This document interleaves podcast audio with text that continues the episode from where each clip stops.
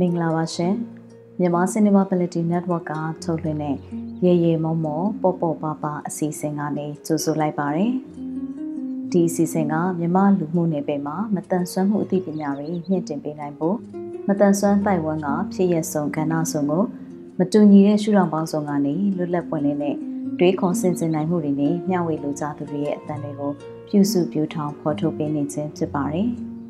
ဒီအစီအစဉ်ကိုအပတ်စဉ်စနေနေ့ည9:00နာရီတိုင်းကျမတို့ရဲ့ Facebook စာမျက်နှာနဲ့ anchor.fm MCA network တို့ကနေစောင့်မျှော်နားဆင်နိုင်မှာဖြစ်ပြီး anchor ကနေအခြားသော Apple Podcast, Google Podcast, Spotify, Breaker နဲ့ WordPress တို့မှာလည်းတွားရောက်နားဆင်နိုင်ပြီဖြစ်ကြောင်းဥစွာအသိပေးလိုပါတယ်။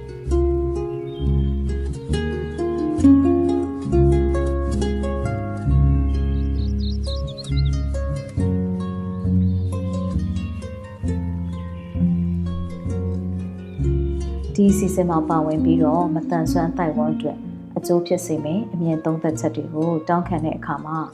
တချို့သောသူတွေကဒီကာလအတွင်းမှာထုတ်ဖော်ပြောဆိုမှုတွေကိုရပ်တန့်ထားတာတကြောင်ပေါ့နော်တချို့ကလည်းအချိန်မီပြပို့နိုင်ခြင်းမရှိတဲ့အတွက်ကျမအနေနဲ့ Facebook page ကနေပြီးတော့အလွတ်တန်းပါဝင်ဆွေးနွေးလူသူတွေကိုလည်းထပ်မံဖိတ်ခေါ်ခဲ့ပါသေးတယ်ဒီဘက်မှာတော့ကျမအနေနဲ့အခြားသော မတန်ဆွမ်းမှုနယ်ပယ်အလွှာဆုံးကအသိပညာရှင်အတတ်ပညာရှင်အမှုပညာရှင်တွေရဲ့အတန်ကိုပေါ်ထုတ်ပေးသွားမှာပဲဖြစ်ပါတယ်။နားထောင်ကြည့်ရအောင်နော်။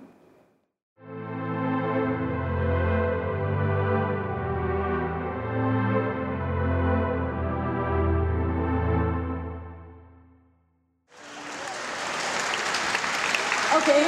ဒီနေ့ဒီကပမောင်းလို့စပြီးပြောပေးမယ့်တခြင်းလေးကငွေချင်းများလို့ရပါတယ်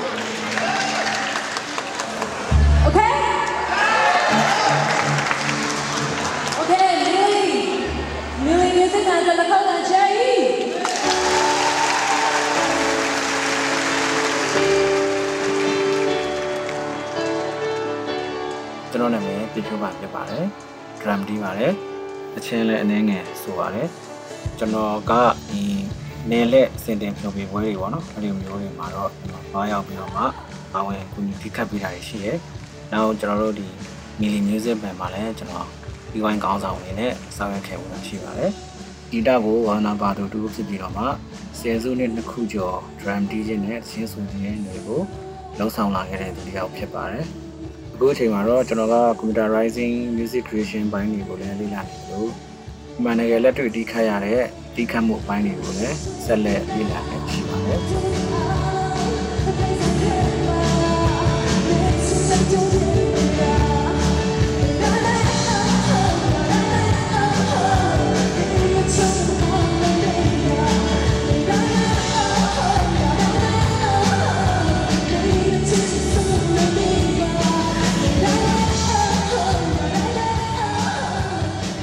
တော်တို့ဒီလိုမျိုး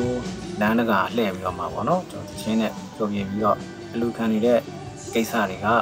မကြမကြကျွန်တော်တို့လမ်းတွေထဲမှာခြားနေရာတွေမှာတွေ့နေတာဖြစ်တယ်ပေါ့နော်အဲ့တော့အဲ့လိုတွေ့ရတဲ့အခါမှာတချို့လည်းအထိုက်လျောက်ကောင်းမွန်တဲ့သူတွေရှိတယ်တချို့ကြတော့လည်းတော်ကမှခြားတာတွေ့ရတယ်ပေါ့နော်အဲလာတဲ့အခါမှာကျွန်တော်တို့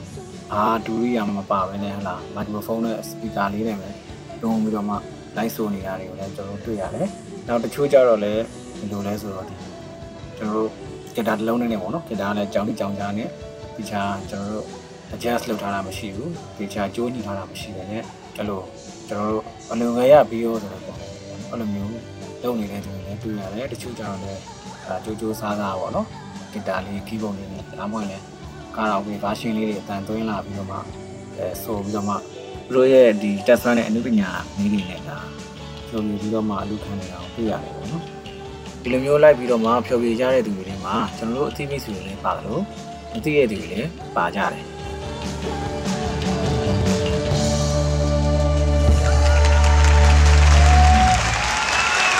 နေ့ဒီလိုရှိကြတယ်ဒီလိုရှိရတယ်ဒီလိုမမအားလုံးအတလေးနဲ့ဆက်ဆံကိုဒီလိုမမကနေကြည့်နေဘတော်မှမမေ့ဘူးရောလေအရာရာကိုသူတို့အတွက်အစင်ပြေနိုင်တဲ့ ခွင့်ရည်တွေဖန်လို့ခွင့်ရည်ပေးနိုင်တာပါစေဒီသားမှုနဲ့ဆက်ဆံနိုင်ရပါစေလို့ဒီစံပြောလိုက်ပါတယ် Okay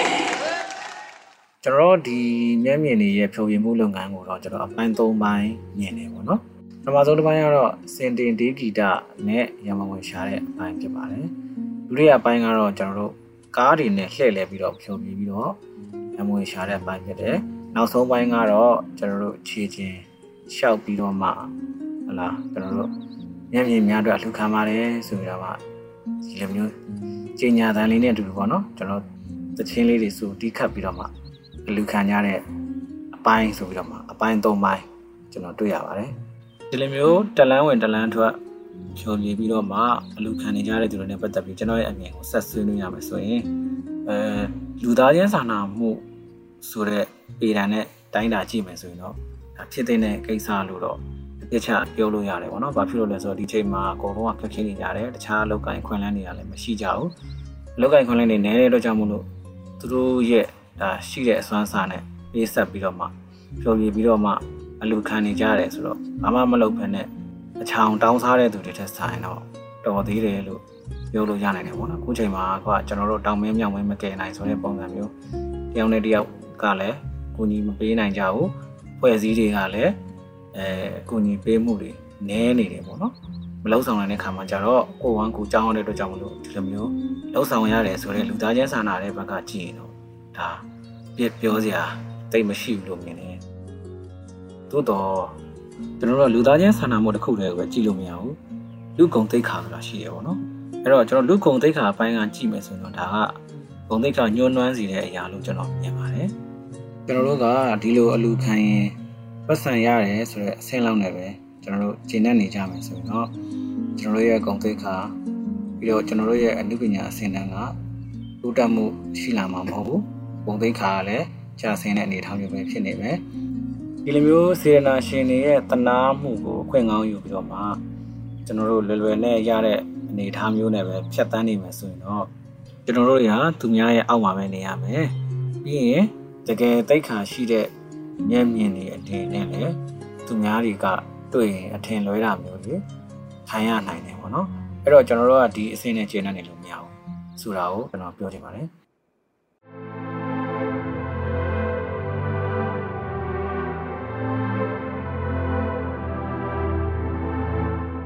အားလုံးသောယလေး online ပေါ်မှာရှုသာ အားပေးကြမယ်အားပေးကြတဲ့မန္တလေးတိုင်းဒေသကြီးပြင်ဦးလွင်မြို့မဟာဒုကန္နာစုတော်ပြည့်မြတ်စွာဘုရားကြီးရဲ့ခြေတော်ရင်မှာဆရာတော်ဘုရားကြီးဦးညေယဦးစီးတီထောင်ဖွင့်လှစ်ထားတဲ့ပရိဟိလာမြတ်မမင်းပစုံပညာသင်ကျောင်းမှအောင်စီဖြုတ်တာတေဂိတအဖွဲ့ရဲ့ဟောလိုက်ဖြော်ပြမှုကိုရှုစားအားပေးကြတဲ့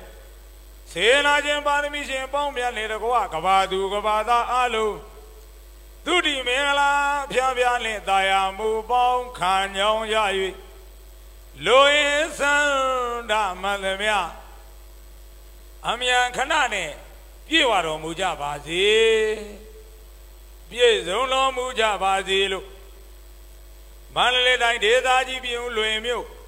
ပရဟိတာမျက်မမြင်ပစုံပညာသင်ကျောင်းမှာအောင်စီပြုတာမျက်မမြင်တေဂီတာအဖွဲ့သူအဖွဲ့သားများက ဥစွာပထမဆုတောင်းပထနာပြုလိုက်ကြပါတယ်လို့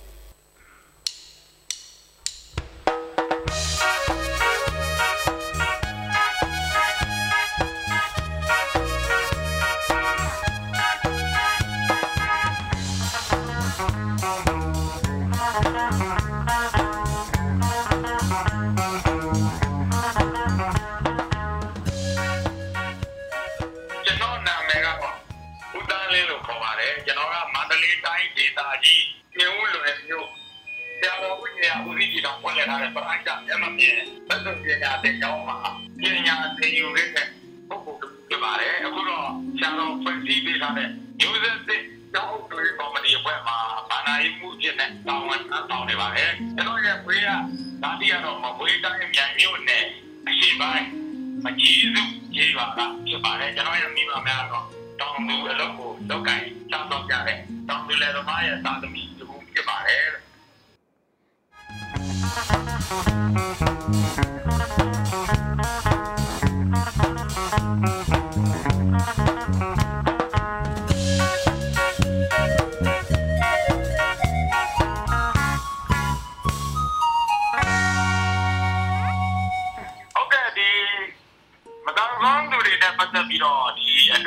ာနဲ့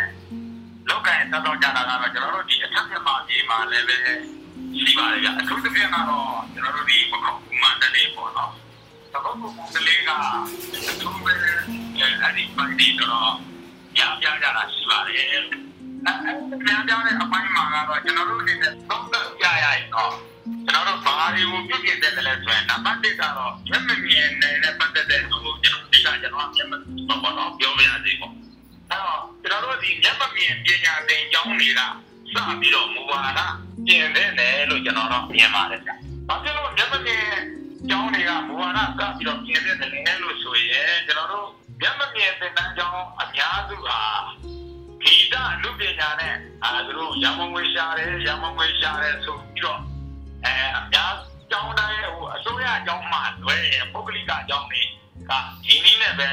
လုတ်ကန်ဆောင်ရွက်ကြတာဖြစ်တဲ့အတွက်ကျွန်တော် ညာမီတော့သုံးသပ်ရမယ်ဆိုတော့အတုမြင်အတတ်ပြန်ဆိုတဲ့သဘောလဲပါလိမ့်မယ်လို့ကျွန်တော်အနေနဲ့မြင်မိပါတယ်ဗျ။ဘာဖြစ်လို့လဲဆိုတော့ကျွန်တော်တို့ခုအများစုကိုကျွန်တော်နဲ့ယဉ်နေတဲ့ဘဝတူကိုကျွန်တော်မေးမြန်းစုံစမ်းကြည့်တဲ့အခါကျတော့ပြည့်ပြည့်ပညာရဖို့သူတော့မလုပ်ချင်တော့ဒီဂီတအတုပညာတက်ရင်ဒါဒီလိုပဲလဲလဲလောက်ကန်စားတော့လို့ရတယ်ဆိုတဲ့အမြင်တွေတော်တော်များများဆွဲကြတယ်ပေါ့နော် အဲဒီဘက်ပိုင်းမှာကံကောင်းထောင်းမှန်စွာနဲ့ဒီဂျပန်နိုင်ငံကနေပြီးတော့အကူအညီပေးတဲ့အစီအစဉ်နဲ့ကျွန်တော်တို့ကဂျပန်အကူပါတော့ကျောင်းပြည့်ပညာရကလေးတွေတော်တော်ကျေပြလာတာကတော်တော်လေးကိုကောင်းပါတယ်။ဒါမှမဟုတ်ရင်ကျွန်တော်တို့အခုတည်းမကဒီမျက်မမြင်မတန်ဆောင်သူတွေပေါ့နော်အဓိကအများကြီးဒီလိုလမ်းပေါ်မှာဘာလာလုံရှားလောက်တိုင်းဆောင်တော့ကြတဲ့ပုံစံများလာမှာတော်တော်တွေ့ရတဲ့အနေအထားကတော့ ဟိုတော်တော်လေးစိတ်သက်သာရရသွားပြီလို့မြင်မိပါတယ်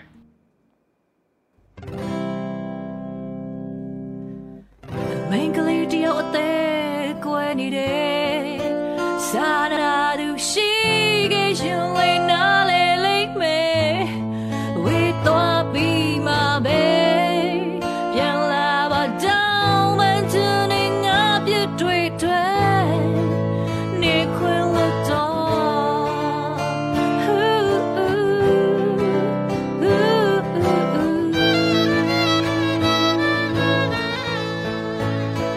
ကဲ့အားလုံးပဲမင်္ဂလာပါအခုစကားပြောနေတာကတော့စိန်ဖြစ်ပါတယ်စိန်ကိုယ်တိုင်လည်းအမြင်မတန်ဆွမ်းတစ်ယောက်ပါအမှုပညာလုပ်ငန်းဖြစ်တဲ့တရေးချင်းနဲ့တမွေးဝန်းချောင်းပြုနေပါတယ် You both met them boo Johnny de mode de gole Trap ye both met them boo So they never do go out to lay Pew the till a dying as you Ooh,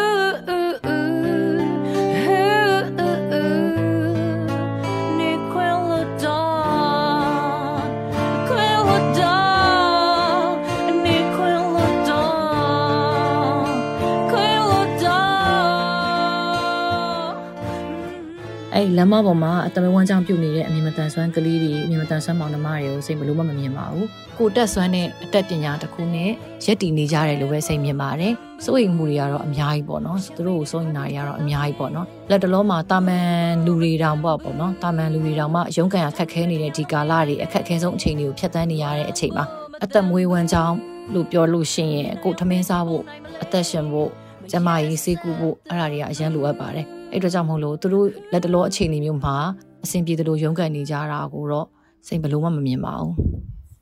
အခုလိုပေါ့နော်လမ်းပေါ်မှာတချင်းဆိုခြင်းနဲ့အတပဝန်းချောင်းပြုတ်နေတဲ့ကလေးတွေကိုဘယ်လိုပံ့ပိုးဘူးလဲဆိုလို့ရှိရင်စိတ်အနေနဲ့ကတော့ကိုသွားလို့လာလို့တွေ့နေတယ်ပေါ့နော်စိတ်နဲ့လမ်းမှာတွေ့ဟိုတိုက်ဆိုင်တဲ့အခါကျလို့ရှိရင်အနေလေး9000ကတော့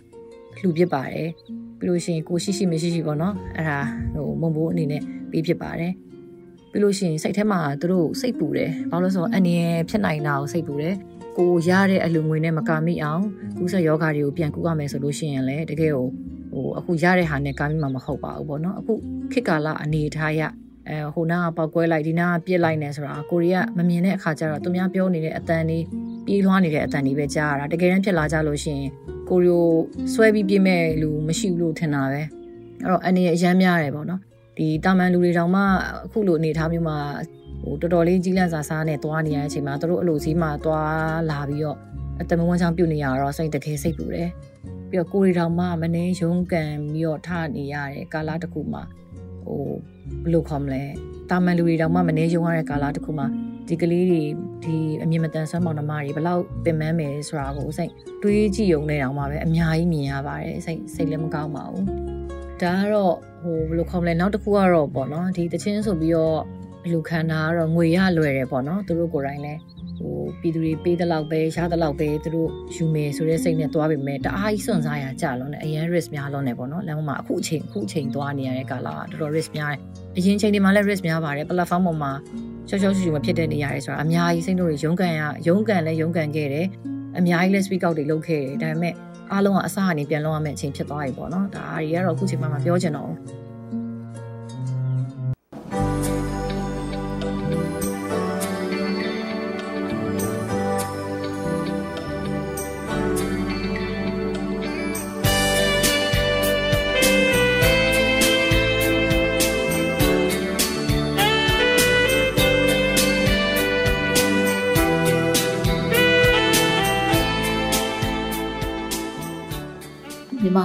ရီးရဲ့မျက်မမြင်များမိတ္တဟာယမခမမရဲ့တီထောင်သူအဖဆရာတော်ကြီးလည်းဖြစ်တဲ့ဆရာကြီးဦးသိန်းလွင်နဲ့မိတ်ဆက်ပေးမှာဖြစ်ပါတယ်။ဆရာကြီးဟာ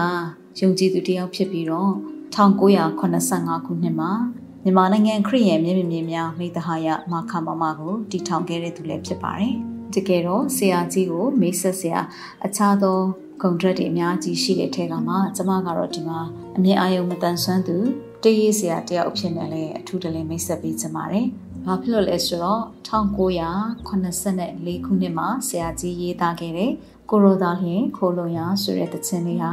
ဒီနေ့ဒီခေတ်ထိပေါ့နော်ကျမတို့ယုံကြည်သူတွေအထဲမှာဆိုလို့ရှိရင်အမတန်ကိုဆွဲလန်းနှစ်ချိုင်ရတဲ့တခြင်းလေးတစ်ပုဒ်ဖြစ်ပါတယ်။ဒါပြဆရာကြီးကတခြားသောတခြင်းပေါင်း19ပုဒ်ကိုလည်းရေးခဲ့တယ်လို့သိရပါတယ်။ အခုခေတ်မှာဆိုလို့ရှိရင်တော့ဆရာစံပီကနေပြီးတော့မှပြန်လည်ပြီးတော့စံသစ်သီဆိုထားတာကိုလေကျမတို့မကြခင်ကမှကြည့်ရှုခဲ့ရပါတယ်။မခမမရဲ့တီထောင်သူတယောက်အနေနဲ့ရောအခုဆိုလို့ရှိရင်ရန်ကုန်မြင့်မြင့်ကျောင်းခဝဲချံရဲ့အုပ်ချုပ်သူတယောက်အနေနဲ့ပါကျမကဆရာကြီးကိုမိတ်ဆက်ပေးတာဖြစ်ပါတယ်။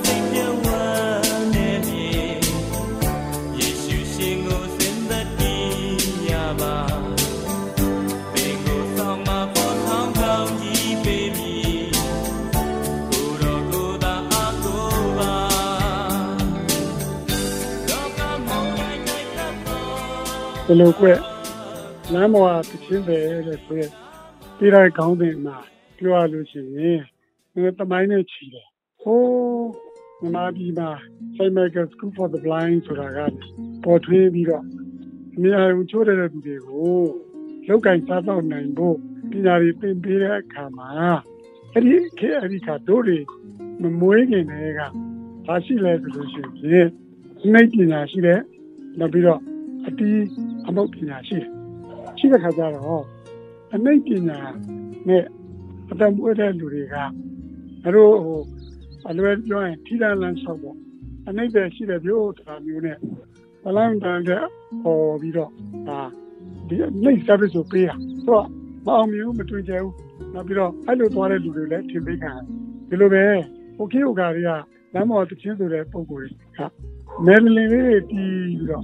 ကမ္ဘာမှာ ပုံချိတ်ပြီးမဲလင်းတီးပြီးတော့တလန်းဝင်တလန်းတွေသွားတာရှိတယ်ရှိကြတော့ဆရာတို့အနေနဲ့ကဒီစိတ်နဲ့ပတ်သက်လို့ရှိရင်ဒါနိုင်ငံတကာလည်းလှည့်လည်ပြီးတဲ့ခါမှာဒါဘာဗမာပြည်ကဘာလုပ်ပေးခဲ့လဲဆိုတော့ခီးရန်လန်းလျှောက်မဟုတ်တော့ဘူးနဲ့စင်တာဖွင့်ပြီးတော့အဲ့ဒီကနေပြီးတော့မှဒါတဲ့အင်းလေးသိက္ခာရှိရှိနဲ့ထိုင်ပြီးတော့စောင့်ပြီးတော့နှိမ့်တဲ့လုပ်ငန်းကြီးကိုပေါ်ထွက်အောင် လုပ်ဆောင်ပေးရတယ်96 96ခုနှစ်မှာနော်ဒါပေမဲ့အနှိမ့်ဆိုတာဟုတ်လွန်ခဲ့တဲ့ mission ခက်တရားရှိပြီးသားအဲ့တော့အဲ့လိုလုပ်တဲ့ခါကျတော့ခုတော့အလုံးပြည့်တဲ့ခါဒီအနှိမ့်ပညာတကယ်ပဲလူတွေကတကယ်တကြီးနဲ့အားရောက်ပြီးတော့မှညံ့မြင်မလို့တနာလို့အားပြတာမို့သူတို့ကိုယ်တိုင်အဲ့ service ကိုလိုချင်လို့လုပ်တော့အနှိမ့်လုပ်ငန်းအောင်နေနဲ့အနှိမ့်နဲ့ပတ်သက်လို့ညာနဲ့ကျူအလုပ်တွေရတခု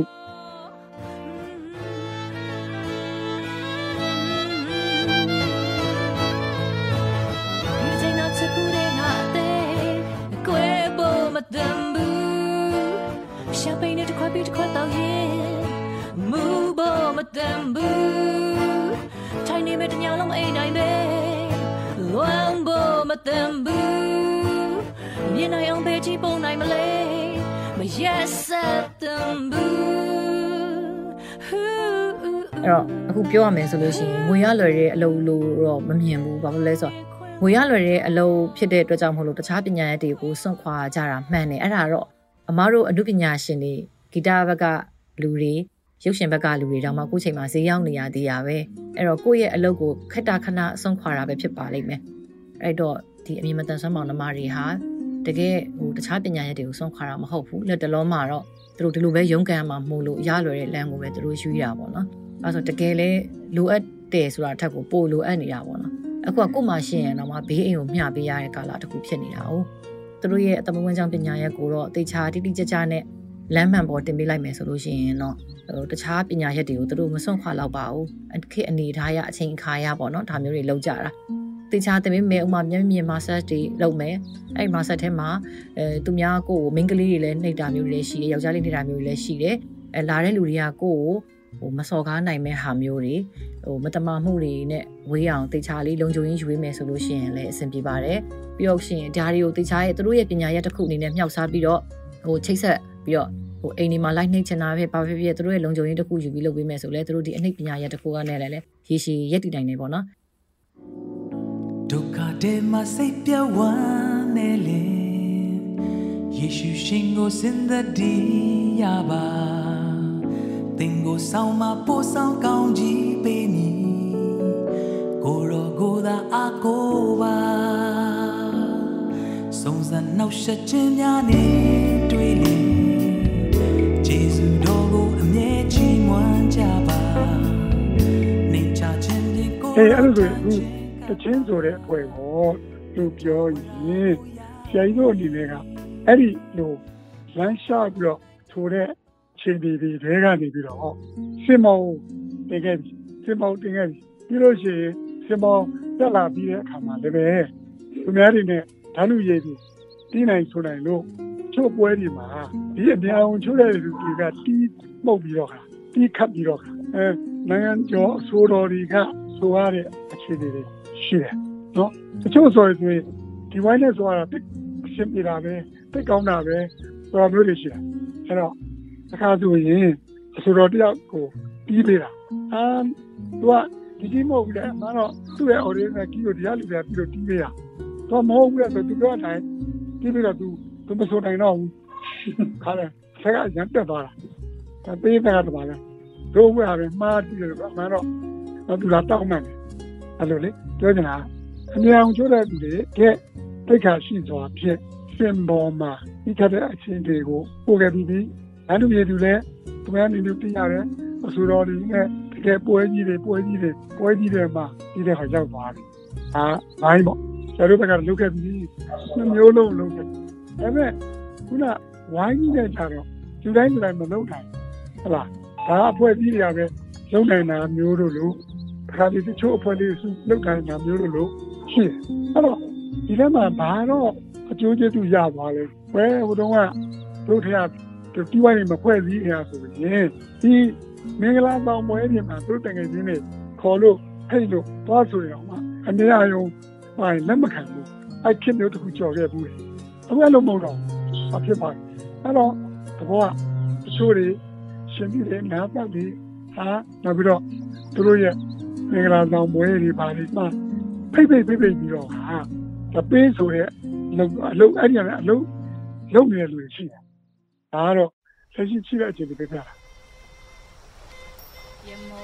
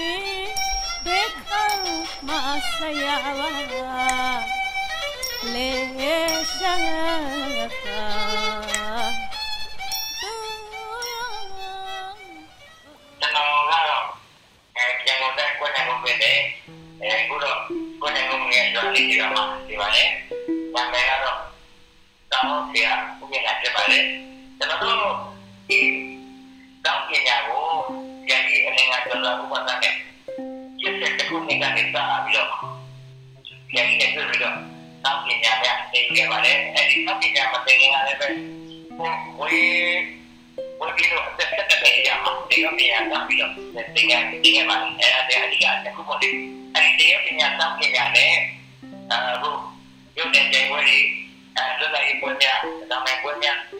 နိုင်ငံတော်ပွဲနေတဲ့ဆိုလို့ရှိရင်လည်းအခုဆိုတိုင်းဒီမှာဒီကနေ့ပြောတိုင်းတိုင်းပါဝင်ပြီးတော့ရှင်းပြခဲ့ပြပါလေအဲဒါဆိုတဲ့ညနဲ့ရခဲ့ပါလေအဲတော့အခုအနေနဲ့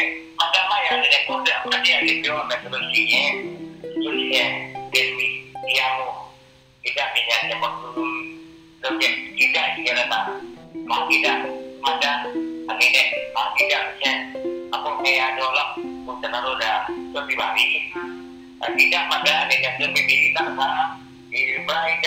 ရားလေးပြောမယ်ဆိုလို့ရှိရင်သူရဲ့ဒီဒီအ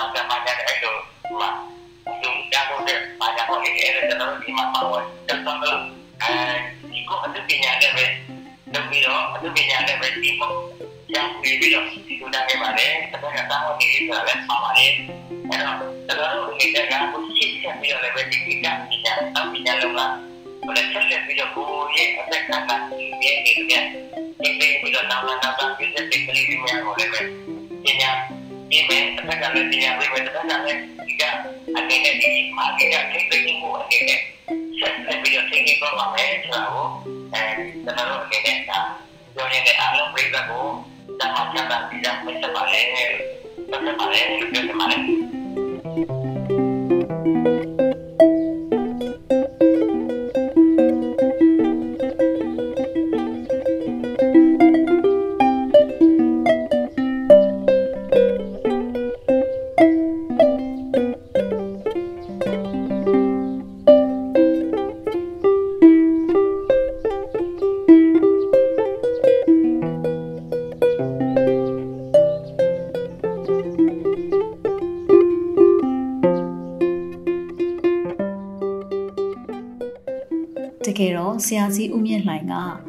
2016ခုနှစ်မှာဝတ္တန်ရုပ်ရှင်ပွဲတော်မှာပြသခဲ့တဲ့ The Way of Life ဆိုတဲ့ documentary တွေက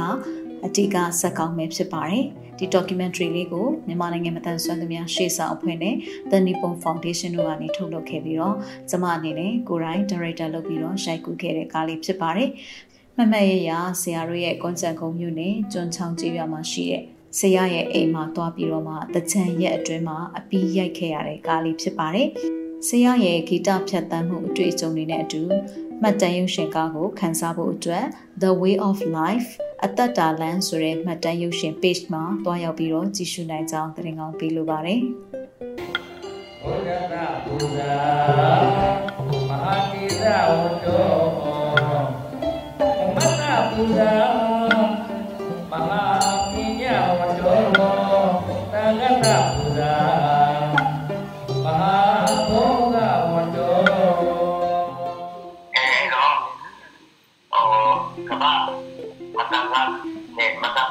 ပုံညာရဲ့ဒီအလုပ်ပညာရှင်များပေါ်လေတန်ခါဒီမဲ့လို့ဒီကပညာကိုစူးစူးဆိုင်ဆိုင်ဝါသနာပါပြီးတော့တာဝန်တည်ပြီးအတွက်ရှာဖွေကြတဲ့ပုံများ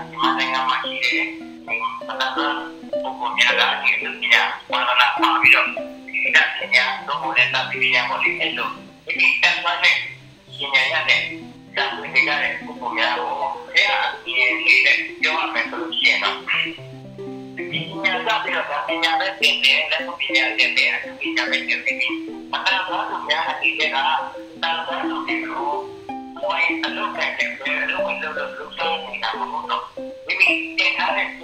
ညာဝါသနာပါပြီးတော့ဒီကပညာတော့လည်းတာပညာပေါ်လေအဲ့လိုဒီတက်မှနဲ့ရှင်ညာရတဲ့ရှာဖွေကြတဲ့ပုံများကိ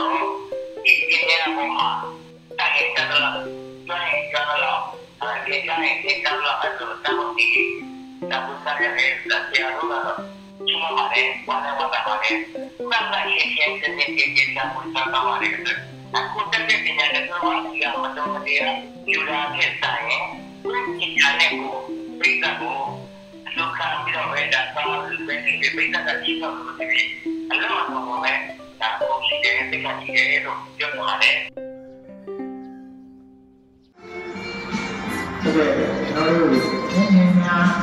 သာလို့ဒီလိုပဲပြန်လာပါမယ်နော်။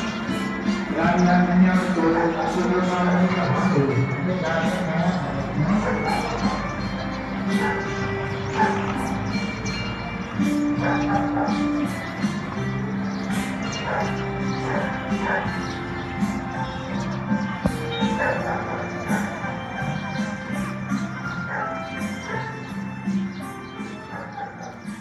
ကနေ့ကျွန်တော်နာမည်ကတော့ဒေါက်တာမျိုးမြတ်မောင်ပါကျွန်တော်ကတော့အမြန်ယုံမတန်ဆွမ်းသူတယောက်ဖြစ်ပါတယ်เนาะကိုယ်တိုင်မြို့မြင်တယောက်ဖြစ်ပါတယ်ကျွန်တော်ကတော့အစိုးရဝန်ထမ်းတဦးဖြစ်တယ်လို့မြန်မာနိုင်ငံမတန်ဆွမ်းဒီလောကမှာလည်းပဲရှည်တန်းကြကြပါဝင်ဆောင်ရွက်နေတဲ့မတန်ဆွမ်းသူတယောက်ဖြစ်ပါတယ်ဗျ နေ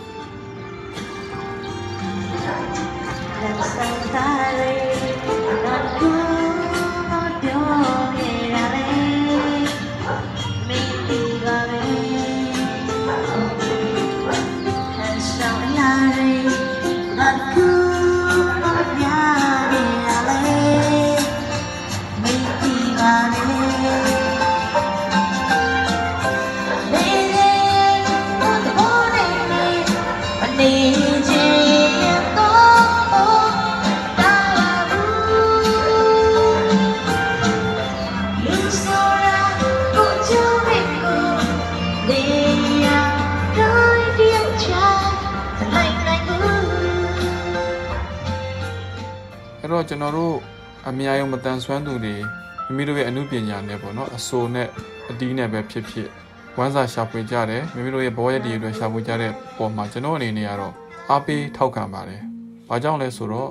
ကျွန်တော်တို့မြန်မာစကားပုံမှာလည်းရှိပါတယ်။အလောက်ဟုသမျှခုံရှိစွာပါ။မတန်ဆွမ်းသူတွေဟာကျွန်တော်တို့မှာအခက်အခဲတွေအများကြီးရှိတယ်။အဲ့ဒီထဲမှာမှအများကြီးမတန်ဆွမ်းသူဆိုတာပုံမပြီးခက်ခဲတဲ့အခြားနိုင်ငံတွေမှာဆိုရင်ဒါ severe disability လို့သတ်မှတ်ပါတယ်။အ လုံးဝမျက်လုံးမမြင်ဘူးပေါ့နော်။မျက်မမြင်လုံးဝမျက်လုံးမမြင်တဲ့သူတွေဆိုရင်ပြင်းထန်တဲ့မတန်ဆွမ်းသူတို့သတ်မှတ်တယ်။ဒါကြောင့်သူတို့ရဲ့အလောက်ကိုင်အခွင့်အလမ်းသူတို့ရဲ့ပညာသင်ကြားခွင့်အစရှိသဖြင့်အင်မတန်ခက်ခဲကြပါတယ်။ဒါကြောင့်မလို့သူတို့ရဲ့ဘဝပေးရည်တည်မှုဖြစ်တည်လာမှုတွေနဲ့အတူ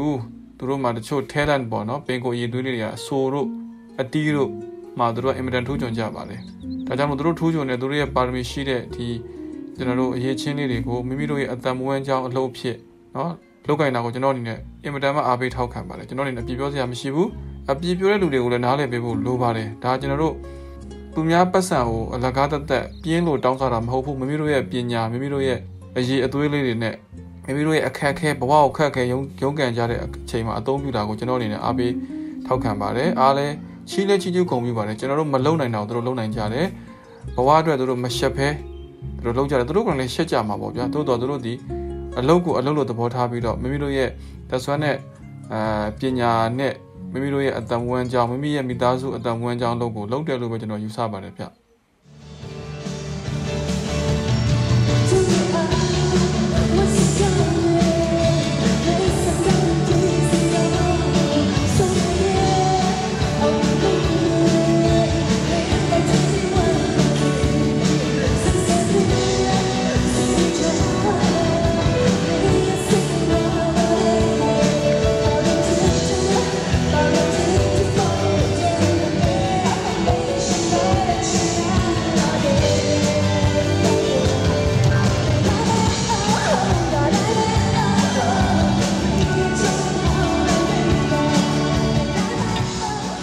ခုကကျတော့ကျွန်တော်ထပ်ပြောနေတာဒီအဆင့်နဲ့ကျင်တဲ့လို့မရရင်ဘယ်အဆင့်ထိကျွန်တော်သွားကြမလဲ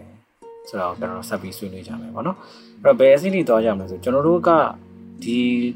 လမ်းတကာလှည့်ပြီးတော့မှဒီလိုဖြောပြတဲ့အပိုင်းကိုကျွန်တော်အနေနဲ့ဘယ်လိုသတ်မှတ်မလဲဆိုတော့ကျွန်တော်တို့တွေဈေးရောင်းကြတဲ့အခါမှာလည်းပေါ့နော်ဒါကျွန်တော်လမ်းဘေးဈေးဆိုင်ရှိတယ်နောက်တစ်ခါကျွန်တော်စိုင်းမော်တင်ပြီးရောင်းတာရှိတယ်နောက်ကျတော့စူပါမားကတ်ပုံမှာတင်ပြီးတော့ရောင်းတာရှိတယ်အဲ့တော့လမ်းဘေးမှာရောင်းတဲ့ ဈေးနှုန်းနဲ့ဆိုင်မွန်တင်ရောက်တဲ့ဈေးနှုန်းဟာလားစူပါမားကတ်ပေါ်မှာရောက်သွားတဲ့ဈေးနှုန်းဒါတွေကမတူကြဘူးပေါ့နော်အဲ့တော့ကျွန်တော်တို့အခုကကျွန်တော်တို့အနုပညာအဆင့်ကျွန်တော်တို့အခုလိုမျိုး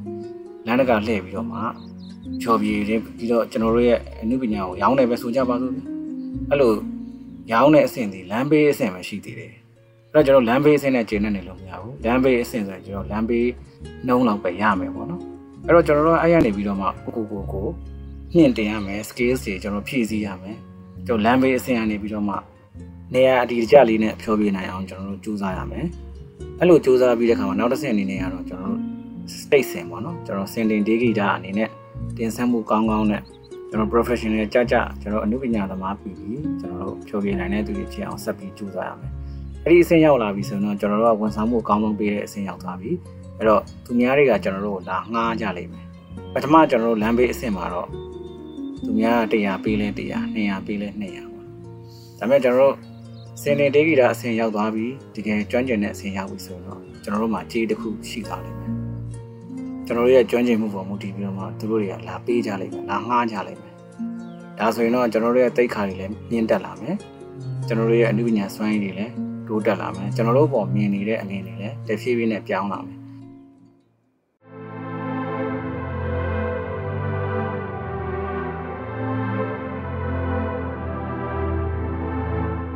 အားလုံးပဲမင်္ဂလာပါရှင်ကျမတို့ယူရသူပါမြန်မာနိုင်ငံမတန်ဆွမ်းသူများရှေ့ဆောင်အဖွဲ့မှအမှုဆောင်ဒါရိုက်တာအနေနဲ့တာဝန်ထမ်းဆောင်နေတဲ့မိုးရပါကိုင်ကမတန်ဆွမ်းသူတို့ဖြစ်ပါတယ်အရင်ဆုံးတော့ကျမတို့ဒီမှာဆွေးနွေးခွင့်ပေါ့နော်ရအောင်ဖိတ်ကြားပေးတဲ့ MCA network ကတာဝန်ရှိတဲ့သူများကိုလည်းကျမဒီနေရာကနေအရင်ဆုံးကျေးဇူးတင်ရှိကြောင်းပြောကြားလိုပါတယ်လို့ကျမအနေနဲ့ဒီနေရာမှာခါခွင့်တင်လို့ပေါ့နော်ဒီမတန်ဆွမ်းမှုဒီဆင်းရဲနွမ်းမမှုနဲ့ဒီအကျုံးဝင်ဖွံ့ဖြိုးတိုးတက်ရေးဆိုတဲ့ခေါင်းစဉ်လေးနဲ့ကျမအနေငယ်ဆွေးနွေးချင်ပါတယ်ရှင်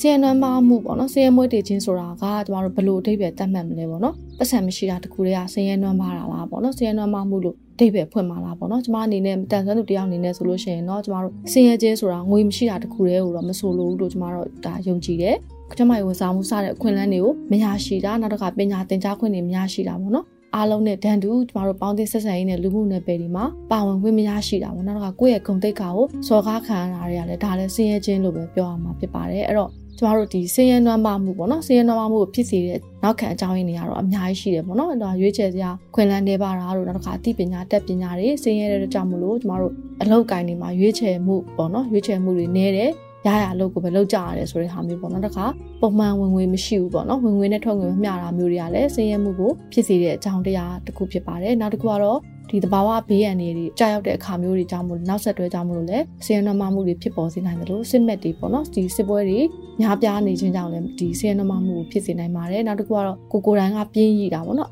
အလုံးမလို့ချင်မှုဒါလာလောင်းကစားတွေနဲ့ဒါလွန်လွန်ကျူးကျူးဒီတေးတောက်စားတာတို့ဒါမျိုးတွေကလည်းဆင်းရဲနှမမှုဖြစ်စေတဲ့ကြောင်းရင်းတွေဖြစ်ပါတယ်လို့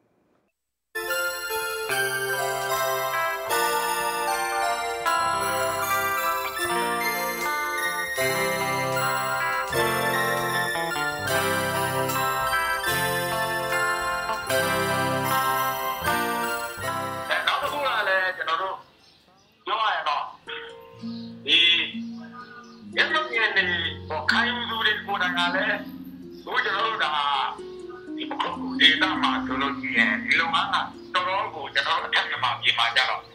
အနေကြတယ်သူတို့အစ်စ်လုံငန်းကိုလုံမသားတော့တဲ့အပြင်မှာသူတို့နဲ့အိမ်အောင်ဖက်ထားတဲ့အဲရောက်ခမတွေရောက်ကတိတွေကိုယ်တိုင်ကအဲဒီသမတ်တွေရဲ့မောင်သမတ်တွေရဲ့လောက်တာပေါ်မှာသူတို့ဒီလိုလက်လဲသွားလာပြီးတော့လောက်တိုင်တွင်းမိတဲ့လောက်တာပေါ်မှာပြီးခိုးခိုးပြီးတော့ဘာလုံးငါမှမလုပ်ဘဲနဲ့အဲနေကြတဲ့မိသားစုတွေတော်တော်လေးများတယ် အဲဒီကျွန်တော်တို့အထက်ထမှာပြီးမှာဆိုရင်တော့ဒါမဟုတ်ဘူးပါပေါ့နော်ဒါကျွန်တော်ရဲ့အတွေ့အကြုံပေါ့ဟောအဲ့လိုအရေးဖြစ်နေတော့ဒီသာသွားတဲ့ပုံကိုယ်တွေကိုယ်တိုင်ကလည်းဒီအမြဲအာရုံမတန်သောသူတွေရဲ့အပေါ်မှာပြီးခိုးပြီးတော့ဘုံဘုံလောက်တိုင်သားတော့နိုင်မှာလဲခဲ့နဲ့အဲအဲ့ဒီလိုအလောက်ကိုင်းမရှာဖွေဘူးမလောက်ကိုင်းတဲ့ဒီသားသမက်ကလေးတွေဒီအများရောမတန်တော့သူလေးတွေဒီလိုလဲလဲပြီးတော့အဲအလုပ်ပညာနဲ့ဒီလိုလို့ရတဲ့ ဝေကြီးတွေပေါ်မှာဒီပြီးတော့တောင်းတောင်းနေတာတွေများနေတော့အဲ့လိုအပိုင်းတွေကလည်းကျွန်တော်တို့ဒီတန်သောသူတွေဘက်ကလည်းပဲဒါကိုဘယ်လိုပြောရအောင်အာတော်ဝိုင်တော်နည်းနဲ့ဘုရားပြအားပေးအားမြောက်ပြုတ်နေတယ်လို့ကျွန်တော်တော့ခံယူမိပါတယ်အဲ့ဒီအပိုင်းလေးတွေရှိနေတော့အဲ့လိုအားလေးတွေလည်းတကျွန်တော်တို့ဒီတန်ဆောင်တဲ့ပုံကိုယ်တွေဘက်ကလည်းပဲဝိုင်းဝန်းပြီးတော့ပြင်ဆင်ပမှုပေးဖို့လိုအပ်ပါတယ်ဟိုဒီလို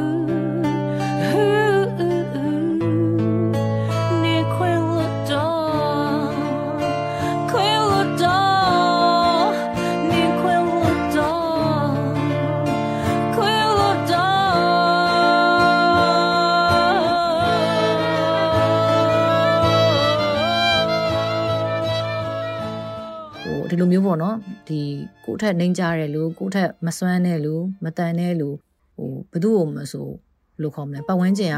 ဖေးမကူပေးဖို့တော့အရန်လိုအပ်ပါတယ်ဒီအမြင်မတန်စွမ်းတွေထဲမှာလည်းအရန်တော်တဲ့ကလေးတွေရှိတယ်အရန်ကို talented ဖြစ်တဲ့ကလေးတွေရှိတယ်ရှိတယ်သူတို့တကယ်ကိုစိတ်စွမ်းအင်ပြင်းပြင်းနဲ့အမြဲတမ်းကြိုးစားတယ်ဒါပေမဲ့အဲ့လိုမျိုးတွေဟိုဟိုအားပေးတယ်အဲ့လိုမျိုးတွေနည်းနည်းနေရာရလာပြီဆိုလို့ရှိရင် ပတ်ဝန်းကျင်ဘာဖြစ်လဲဆိုတော့ဟိုလူတွေရဲ့တဘာဝအရာပေါ့နော်အဲ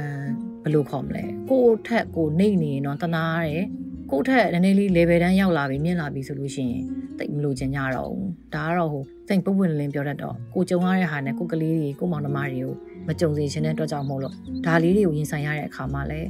တတိတခြားလေးပေါ့နော်ဂိုင်းတွေဖြည့်ရှင်းပြီးတော့ကြော်ဖြတ်နိုင်ဖို့အတွက်ကိုအမြဲတမ်းစိတ်ဆွမ်းအင်နေပေးတယ်တယောက်တည်းတော့မမြင်တဲ့လူလုံးလို့မရပါဘူး ဟိုဘယ်လိုခေါ်မလဲဘေးနားကနေနားလည်မှုများစွာနဲ့ဖေးမှပြီးကုပေးမဲ့ပတ်ဝန်းကျင်ကောင်းရှိဖို့တော့လိုအပ်တာပေါ့နော်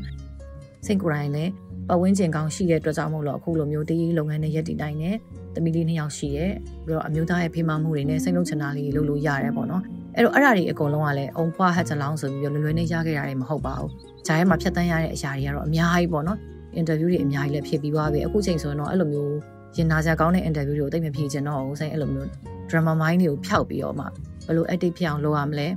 ကိုယ့်ရဲ့ပတ်ဝန်းကျင်ကောင်းအောင်ဘယ်လိုတည်ဆောက်ရမလဲမြန်မာစွမ်းကလေးတွေကိုဘယ်လိုတွေလုပ်ပေးနိုင်မလဲဘယ်လိုပုံစံမျိုးနဲ့သွားကြမလဲဆိုတာပဲစိတ်ကောင်းထဲမှာအမြဲတမ်းစဉ်းစားတယ်ကိုယ့်ရဲ့မိသားစုစီးပွားရေးအတွက်လည်းခေါင်းနဲ့ထည့်ရတယ်လို့ကိုလုပ်တဲ့အလုပ်တွေမှန်သမျှမှာလည်းဒီအမြင်မတန်ဆွမ်းတွေအတွက်ဘာလေးတွေထည့်သွားရင်ရမလဲဆိုတာကိုအမြဲတမ်းဟိုဘယ်လိုခေါ်မလဲစဉ်းစားရတယ်ထည့်တွက်တယ်ပေါ့နော်လောက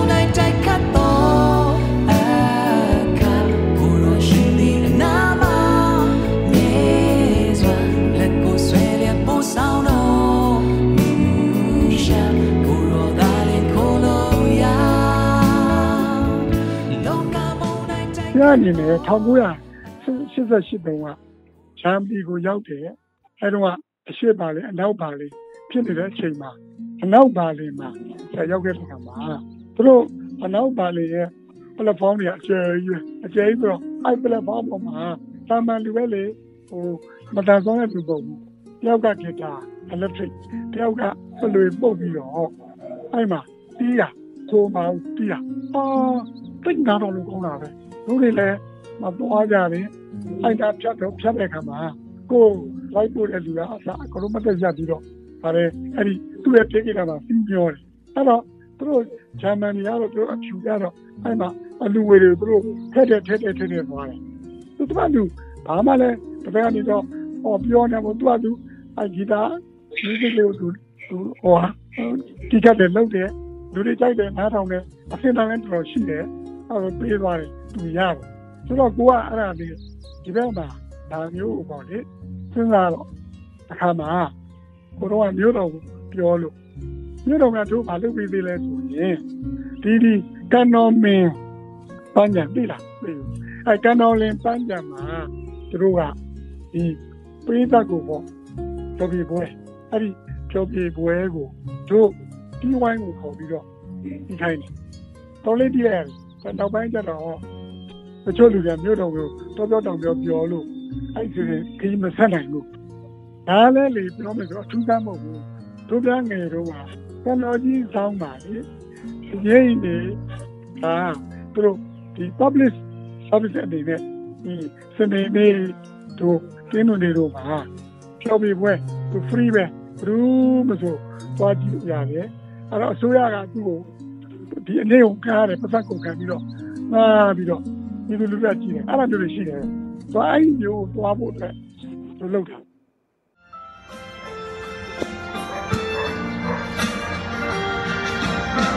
ခါဘူရရဲ့တစ်ခါကပြောင်းခဲ့ဘူးရမယ်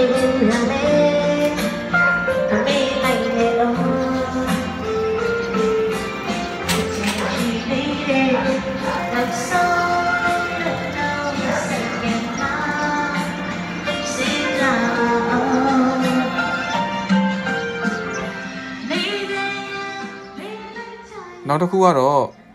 ဒီအမြအယုံမတန်ဆွမ်းသူတွေဒီလိုမျိုးမိမိတို့ရဲ့အမှုပညာအဆိုတို့အတီးတို့နဲ့လမ်းမပေါ်တွေမှာဟာလားဒါတက်တက်လေးပြောရင်တော့တောင်းရမ်းတယ်ပေါ့ဗျာတခြားအမြင်တောင်းရမ်းတယ်လို့ပြောကြတာပေါ့ကျွန်တော်အမြင်တော့တောင်းရမ်းတယ်လို့မထင်ဘူးဒါမိမိတို့ရဲ့အမှုပညာမိမိတို့ရဲ့အရေးချင်းနဲ့မိမိတို့ရဲ့ဘဝကိုရတယ်လို့ရုန်းကန်လှုပ်ရှားကြတာလို့ကျွန်တော်မြင်ပါတယ်ဒါကြောင့်နိုင်ငံတော်အစိုးရအနေနဲ့လည်းဘယ်ဖြစ်ဖြစ်အခြားသောအရက်ဘက်လူမှုဖွဲ့စည်းတွေဖြစ်ဖြစ်ဒီလိုမျိုး ကျွန်တော်တို့ပုံကိုယ်တွေကိုတွေးတဲ့အခါမှာကျွန်တော်တို့အားပေးဖို့လိုသလိုသူတို့ကိုလည်းတော့သူတို့ရဲ့အလုပ်ကိုင်တစ်ခုအဖြစ်တကယ် professional ဖြစ်လာဖို့အတွက်ကျွန်တော်တို့အားပေးဖို့လိုပါတယ်ဒါကကျွန်တော်တို့အခွင့်အလမ်းဘာပဲဖြစ်လေကျွန်တော်တို့မတန်ဆွမ်းသူတွေအခွင့်အလမ်းနည်းပါတယ်အခွင့်အလမ်းကိုဖန်တီးပေးတယ်ဆိုရင်အဆင်ပြေလာကြမှာပေါ့ဆိုတာကဥပမာကျွန်တော်တို့ဒီအလုပ်ကိုဟာလားဒါကျွန်တော်တို့တောင်းရန်စားတောက်တယ်လို့မယူဆဘဲနဲ့သူတို့ရဲ့ပညာရည်နဲ့သူတို့ရဲ့လမ်းအဲဒီလမ်းထောင်လေးတွေမှာလမ်းဘေးတွေမှာလူစီကိုင်းနေရာတွေမှာသူတို့ဖျော်ပြပြီးတော့မှ ဒါဖျော်ပြမှုတစ်ခုသူတို့အတွက် job လို့သတ်မှတ်လိုက်တယ်ဆိုရင်အဆင်ပြေပါတယ်ဒါပထမလူတွေရဲ့အသိပညာအပိုင်းအရသူတို့ရဲ့ဒီဘုံနားလည်မှုပေးရမှာပါနောက်တစ်ခုကတော့ဖြစ်နိုင်မယ်ဆိုရင်နောက်ပိုင်းကျွန်တော်တို့เนาะဒီဘားတွေရှိမယ်ကျွန်တော်တို့ pub တွေပေါ့ကျွန်တော်တို့ဆိုချင်တာစားတောက်ဆိုင်တွေပေါ့နော်အဲဒီဒီမှာဆိုလဲပဲတို့နောက်ပိုင်းကြရင်ဒီလိုမျိုးအဆိုရှင်အများယုံမတန်ဆွမ်းသူအဆိုရှင်အတီးပညာရှင်တွေကိုခေါ်ပြီးတော့မှဖျော်ဖြေခိုင်းတာမျိုးလုပ်မယ်ဆိုရင်တကယ်ကိုတော့ professional ဖြစ်လာပြီးတို့ရဲ့ ဝင်ငွေရှာဖွေမှုလည်းကောင်းလာမှာဖြစ်တယ်လို့အခြားသောမျက်မြင်ကြီးကိုမောင်နှမတွေကလည်းပဲဒါဒီတို့အတွက်ဟာအလောက်ကန်ခွဲလန်းတစ်ခုအဖြစ်လောက်ကင်နိုင်ဖို့အတွက်မီးမောင်းထိုးပြတယ်လို့ပဲကျွန်တော်တို့ယူဆပါတယ်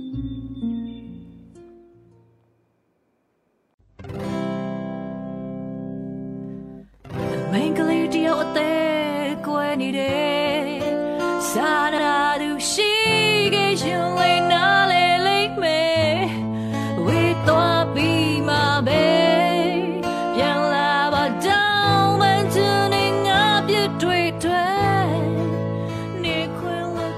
ဆိုလို့ရှိရင်တော့စိတ်ကိုယ်တိုင်ကတော့ခွဲချင်တဲ့မြင်ကြောင်းမှာနဝမာတန်းတမိုင်းကိုတင်ပေးနေတာ၃နှစ်ရှိပြီပေါ့နော်ဒီကိုဗစ်ကာလနဲ့ဒီဘက်ကာလမှာတော့စိတ်အဝေးလဲဝေးတယ်ပြီးတော့ဒီကိုဗစ်ကာလចောင်းပိတ်ထားတဲ့ကာလမှာတော့တော့မတင်ပြတော့ပါဘူးပေါ့နော်၃နှစ်၃နှစ်တင်ပေးခဲ့ပြီးပါပြီပေါ့နော်ပြီးတော့နောက်တစ်ခု Heart Vision ဆိုတဲ့ဒီအမြင်မတန်ဆွမ်းမောင်နှမတွေနဲ့ဖွဲ့စည်းထားတဲ့ဒီ band လေးတစ်ခုရှိပါတယ် အဲအဲ့ဒါလည်းဒါညီမဟိုပံ့ပိုးခဲ့တာပေါ့နော်ပံ့ပိုးခဲ့ရဲဆိုတာဒီ bank လေးဖွဲ့ထားတယ်ဟိုစိတ်ရချက်မှာ weekend party လေးတွေရှိတဲ့ခါကျရင်သူတို့ကိုခေါ်ပြီးအသုံးပြုဖို့လည်းစိတ်စီစဉ်ထားပါရတာအခုနောက်လာမဲလာတွေမှာပေါ့နော်ဒီပွင့်လန်းရတဲ့အတွက်ကိုစီစဉ်ထားတာပေါ့နော်အနေထားလဲခေအနေထားလဲကောင်းမယ်ဆိုရင်စိတ် channel မှာလောက်တဲ့အခုတောက်ကြစနေနှစ်ရက်ထဲဖွင့်နေပေါ့နော်မီနီဘားလေးရှိရဘာတသေးလေးဖွင့်ထားတယ်တငယ်ချင်းတွေပဲ member only လာထိုင်ဖို့အတွက်ဖွင့်ထားတာအဲ့မှာဆိုလို့ရှိရင်စိတ်လှုပ်ချင်တဲ့ဟာတွေမှာစိတ်မှာဘယ် backing မှမရှိဘူးဘယ် background မှလည်းထောက်ပံ့နေရမျိုးမရှိဘူး စိတ်လုံးရမယ်ဆိုရင်စိတ်နဲ့လုပ်ပေးနေရပါလေဆိုတော့စိတ် channel ဝင်လာလို့ရှိရင် free gentle ဆုံးပဲ free gentle ဆုံးပဲပြီးလို့ရှိရင် channel ဝင်လာရင်လူဆိုတဲ့ဟာပဲရှိရမယ်ဆိုတော့ဟိုဘယ်လိုခေါ်မလဲပေါ်စာမှုတစ်ခုနဲ့ LGBT flat အကြီးဆွဲထားတယ်စိတ်ရင်အဆိုင်မှာ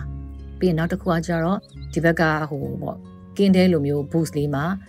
ဒီဆိုဗီနီးယားပိုင်း blind ဆိုပြီးတော့ blind တွေလောက်တဲ့ပစ္စည်းလေးတွေတင်ထားတယ်အဲ့ဒါကတော့ခွဲချင်မမြင်ကြောင်းနဲ့ဒီမြကြီးနားမြင်မြင်ကြောင်း ကကလေးတွေလုပ်တဲ့ key chain လေးတွေရှေ့တုပ်ဖုံတွေပြီးလို့ရှိရင်ချိန်ကုန်လေးတွေကိုစိတ် channel မှာရောင်းပေးပါတယ်ဟိုတော်တော်လေးရောင်းရပါတယ် key chain လေးတွေလေရှေ့တုပ်ဖုံတွေတော်တော်လေးရောင်းရတယ် online ကနေအစားအသောက်တွေရောင်းတဲ့အခါမှာစိတ်သူတို့ရဲ့ပစ္စည်းလေးတွေပါတွဲပြီးရောင်းဖြစ်ပါတယ်ပြီးတော့ channel မှာလည်းလာဝင်ရပါတယ်အဲကိုရီတီထွန်လိုက်တဲ့ဟာကိုရီတခုခု product လောက်လိုက်တဲ့ဟာကလူတွေရဲ့လိုအပ်ချက်ဖြစ်နေဖို့လဲလိုတာပေါ့နော်ဆက်ရကြတော့တခါလေကြာရင်ကလေးတွေအပေါ်မှာစိတ်ဆိုကိုသားသမီးတွေပဲဖြစ်ဖြစ်သွားကိုရဲ့အကြောင်းတစ်ဖက်တွေပဲဖြစ်ဖြစ်စိတ်စကားပြောရင်လည်းကျန်တယ် အနေဟိုမာကြောစီခြင်းနဲ့ပေါ့နော်မာကြောစီခြင်းနဲ့ဆိုတော့ကို့မှာကိုလုတ်တဲ့ပစ္စည်းတွေကဟိုကျမတို့မမြင်တဲ့လူမျိုးလို့အားပေးပါဆိုတဲ့ဟာမျိုးနဲ့စိတ်ကဘယ်တော့မှမသွားအောင်ငါ့ရဲ့ပစ္စည်းကိုသူလိုဖို့လိုအပ်နေရမယ်သူတို့ရဲ့လိုအပ်ချက်ကိုလည်းငါတို့သိနေရမယ်ဆိုတဲ့ပုံစံမျိုးနဲ့ပဲသွားဖို့အမြင်နဲ့တုံ့တင်ဆုံးမပေးတယ်လက်တလောတော့စိတ်လုံးနိုင်သမျှလေးတွေကတော့အလောက်ပါပဲ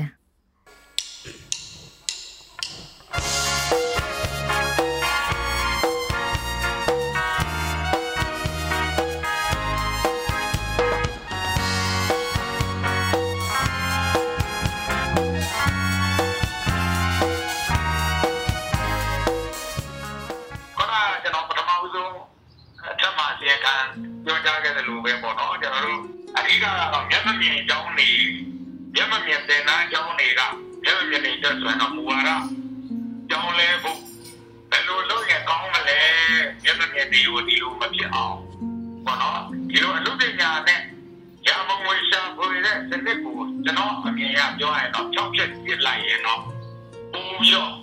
ကောင်းသွားလိမ့်မယ်လို့ယုံကြည်မိပါတယ်ဗျ။ဘာဖြစ်လို့လဲဆိုတော့ကျွန်တော်ဒီစကားကိုဘာကြောင့် ပြောနေရတယ်လဲဆိုရင်ကျွန်တော်တို့ကိုယ်တိုင်လည်းဒီမြန်မာပြည်ကျောင်းအတွက်ကျောင်းတော်မှာစားကြတဲ့ကကျွန်တော်ကရောက်ခဲ့တဲ့ကျောင်းသားဖြစ်ပါတယ်ကျွန်တော်ကဒီလိုလည်းမြန်မာပြည်ကျောင်းမှာအဲ့တော့ကျွန်တော်တို့ကိုယ်တိုင်လည်းပဲအဲ့ဒီတိုင်းကျောင်းရောက်ရောက်ချင်းပဲဂီတအလုပ်ပညာကိုအမောတော်တင်ပြီးတော့ကျောင်းစီတဲ့တာယာရေးအတွက်ဆိုပြီးတော့လောက်ကင်ဆောင်ရွက်ခဲ့ရတာဖြစ်တဲ့အတွက်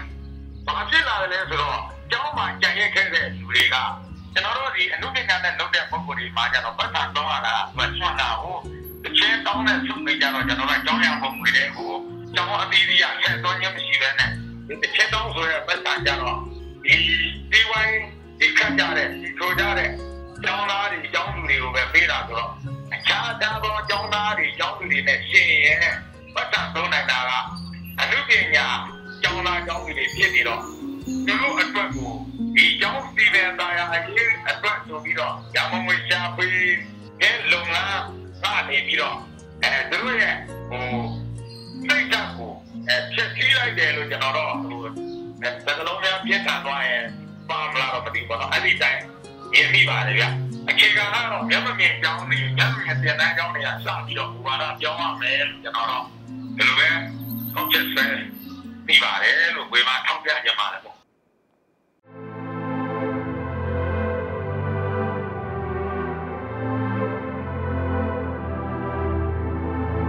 ကျွန်တော်တို့ဘက်ကမပြောင်းယူခဲ့နဲ့ဟိုကျွန်တော်တို့ဒီစီယုံလုံးဆောင်မှုတွေလုပ်ပြီးတော့ကျွန်တော်တို့ပေါ်မှာမြင်နေတဲ့အမြင်တွေကိုပြောင်းပေးပါဆိုပြီးလုပ်လို့မရဘူးအဲ့တော့ဒီလိုမျိုးပုံစံမျိုးနဲ့ကျွန်တော်တို့ပြောင်းရမယ်အဲ့တော့နောက်တစ်ခုကျွန်တော်ပြောချင်တာကဒီ S2S စီမံကိန်းလို့ခေါ်မှာပေါ့နော်ကျွန်တော်တို့ street to state ပေါ့ဒါတော့အင်္ဂလိပ်လိုပြောကြတယ်ခင်ဗျသူများနိုင်ငံတွေမှာလည်းဒီလိုမျိုးစီမံကိန်းတွေကိုကျွန်တော်ဆောင်ရွက်နေပြီအဲ့တော့ကျွန်တော်တို့ဗမာလိုပြောမယ်ဆိုတော့လမ်းဘေးကနေပြီးတော့မှဆင်မာရောက်တဲ့အထိပေါ့ ကျွန်တော်တို့အစင်းစင်းကျွန်တော်တို့စူးစမ်းသွားရမယ်အနေအထားမျိုးလေးတွေရှိပါတယ်အဲ့လိုမျိုးစူးစမ်းတဲ့ခါမှာခုနကတော့ကတော့ကိုလုံးရမယ့်အပိုင်းတွေကိုကျွန်တော်တို့ပြောပြီးပြီပေါ့နော်အဲ့တော့ကိုမလုံးနိုင်တဲ့အပိုင်းတွေအနေနဲ့ဒါနိုင်ငံတော်ကတော့၎င်းအဖွဲ့အစည်းတွေကတော့၎င်းအဲကျွန်တော်လုပ်ပေးခြင်းနဲ့လို့ပြောမလဲစီးပွားရေးလုပ်ငန်းရှင်တွေကတော့၎င်းကျွန်တော်လုပ်ပေးလို့ရတဲ့အပိုင်းတွေရှိတယ်အဲ့ဒါတွေကဘာလဲဆိုတော့ကျွန်တော်တို့ဖြိုပြေမဲ့နေရာတတ်တတ်မတ်မတ်ကျွန်တော်တို့ထားလိုက်မယ်ဥပမာလူစီကားတဲ့နေရာမျိုးပေါ့နော်လှည့်ရန်ဂုံနာအောက်လိုမျိုး ဒါမှမဟုတ်လည်းကျွန်တော်တို့ဒီ community center တွေဒီအစိုးရတွေက community center ဆိုပြီးစောင့်တာမျိုးတွေရှိတယ်အဲ့လိုမျိုးနေရာတွေမှာဒါမှမဟုတ်လည်းစီးပွားရေးလုပ်ငန်းရှင်တွေကသူတို့ရဲ့ promotion area တွေမှာဟလာ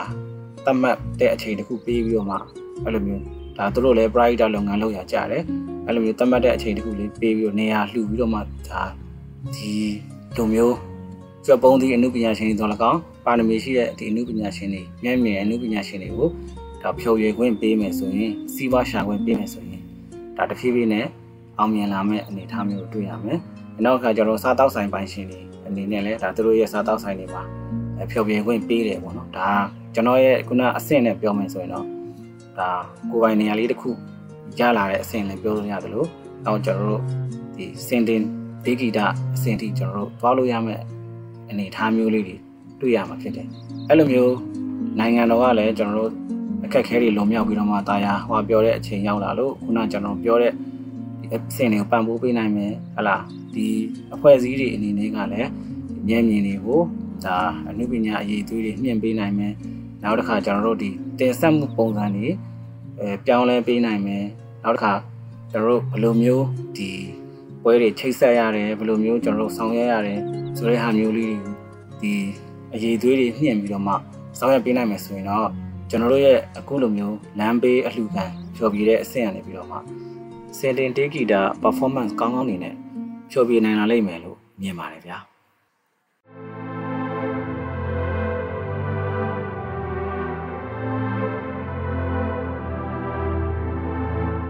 အဲ့ဒီမှာနောက်ထပ်ဇင်းနှမမှုဖြစ်စေတဲ့အကြောင်းရင်းတစ်ခုကတော့မတန်ဆွမ်းမှုပေါ့နော်မတန်ဆွမ်းမှုဖြစ်ခြင်းကြောင့်လည်းကျမတို့ဇင်းနှမမှုကိုဖြစ်ပေါ်စေတယ်ပေါ့နော်ဒါဘယ်လိုများဒီဇင်းနှမမှုနဲ့မတန်ဆွမ်းမှုက ဆက်ဆက်မှုရှိလဲဆိုတာလေးကိုကျမအနေနဲ့ပြောပြရမယ်ဆိုလို့ရှိရင်ဒီမတန်ဆွမ်းဖြစ်မှုပေါ့နော်မတန်ဆွမ်းသူဖြစ်ခြင်းကြောင့်မလို့ကျမတို့ကခန္ဓာဆောင်မှာကျမတို့ခွဲခြားဆက်ဆံခံရတယ်ကျောင်းနေခွင့်ပေါ့နော်ကျောင်းနေရမယ်အရွယ်ရောက်လာပြီပညာသင်ကြားခွင့်မရဘူးအများနဲ့တန်းတူပညာသင်ကြားခွင့်တွေကျမတို့ဆုံးရှုံးရတယ်အလောက်ကင်လုံနိုင်တဲ့အချိန်ရောက်လာအသက်အရွယ်ရောက်လာပြီမဲ့လို့အလောက်ကင်ခွင့်လန်းတွေမရရှိဘူးပေါ့နော်ဝင်ငွေရတဲ့အလောက်ကင်တွေကျမတို့မှာလောက်ကင်ဖို့ရအတွက်ခွင့်လန်းတွေမှာညင်းပယ်ခံရတယ် အဲ့ဒီခါမှာကျမတို့ကတန်ဆွမ်းသူများလို့ပေါ့နော်ဝင်ငွေမရှိဘူးကိုမိသားစုကိုမိခိုရတယ်မိသားစုကိုဝန်တော့ဝန်ပိုးတွေနေတော့လကောက်ဖဲရလူတွေဝန်တော့ဝန်ပိုးတွေနေတော့လကောက်ကျမတို့ကနေရတဲ့အခါမှာဒီပို့ပြီးတော့မှစင်းရဲမှုဆိုတဲ့ဟာကိုဒီစင်းရဲခြင်းအနေထားကိုဖြစ်စေတယ်ပေါ့နော်နောက်တစ်ခါကျမတို့အတန်ဆွမ်းမှုဖြစ်ချင်းကြောင့်မို့လို့ပေါ့နော်လိုအပ်တဲ့ကျန်းမာရေးဝန်ဆောင်မှုတွေမရဘူးမရတဲ့ခါမှာကျမတို့အဲ့အတွက်ဈေးစကားတွေပို့ပြီးတော့သုံးရတယ်အဲ့အတွက်ကြောင့်မို့လို့လေတ ခြားသူတွေထက်ကျမတို့စင်းရဲခြင်းကိုဖြစ်စေတဲ့အကြောင်းရင်းတွေဖြစ်လာစေတယ်ပေါ့နော်အဲ့တော့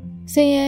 ခြင်းကိုကျမတို့ပြန်ပြီးတော့မှတစ်ဖက်ကနေလှည့်တွေးကြည့်မယ်ဆိုလို့ရှိရင်လည်းဒီစင်းရဲနွမ်းပါတဲ့ချိန်တွေတစ်ခုမှာပေါ့နော်ကျမတို့ကလိုဟတ်တဲ့ဒီအာဟာရပေါ့နော်အာစာအာဟာရတွေကျမတို့ချို့တဲ့တယ်ဟလာအာဟာရဖြစ်တဲ့အစားအစာတွေကျမတို့မစားသုံးနိုင်ခြင်းကြောင့်မို့လို့ကလေးငယ်ဘဝမှာမတန်ဆွမ်းဖြစ်သွားတာမျိုးတွေနောက်တစ်ခါတချို့တွေဆိုလို့ရှိရင်ဒီအာဟာရချို့တဲ့ခြင်းကြောင့်မို့လို့ပေါ့နော် malnutrition ကြောင့်မို့လို့ကျမတို့ မတန်ဆွမ်းဖြစ်သွားတယ်ဆိုတော့ဒါကိစ္စရတဲ့အများကြီးကြုံတွေ့ရမှာဖြစ်ပါတယ်အဲ့တော့ဆေးရနမခြင်းကြောင့်မို့လို့ကျမတို့ခုနကတော့လိုပဲပညာရေးမှာလည်းအဲနှောင့်နေတယ်ပညာရေးခွင့်လန်းတွေဆုံးရှုံးရတဲ့အတွက်ကြောင့်မို့လို့ကျမတို့ကအလောက်ကန်ခွင့်လန်းမှာဆိုလို့ရှိရင်လည်းအန်ဒီရရှိတဲ့အလောက်ကန်တွေ risk ပေါ့နော် risk များတဲ့အလောက်တွေကိုလောက်ကန်ကြရတယ်အဲ့ဒီခါမှာကျမတို့ဒီအဲသူများမလုပ်ချင်နဲ့ပေါ့နော်ဒီအန်ဒီရရှိတဲ့အလောက်တွေကိုလုပ်ရင်းနဲ့ကျမတို့ဟာမတော်တဆတိကြိုက်တန်ရာရပြီးတော့မှမတန်ဆွမ်းဖြစ်သွားစေတယ်ဆိုတဲ့ ကြောင်းရာတွေလည်းရှိပါတယ်အဲ့တော့ကျမတို့ကဒီလိုမျိုးပေါ့နော်ယောဂဗျာတွေမဖြစ်အောင်အာဒီကြိုတင်ကာကွယ်မှုတွေလုပ်ဖို့ရန်အတွက်ကလည်းကျမတို့ငွေကြေးမလုံလောက်တဲ့အတွက်ကြောင့်မို့လို့လေဟာလာယောဂဖြစ်လာတယ်ဆိုလို့ရှိရင်ကြိုတင်ကုသမှုတွေဟာလာကာကွယ်မှုတွေဒါတွေကိုမလုပ်နိုင်တဲ့အတွက်ကြောင့်မို့လို့ဆင်းရဲမှုကိုဖြစ်စေတယ်ပေါ့နော်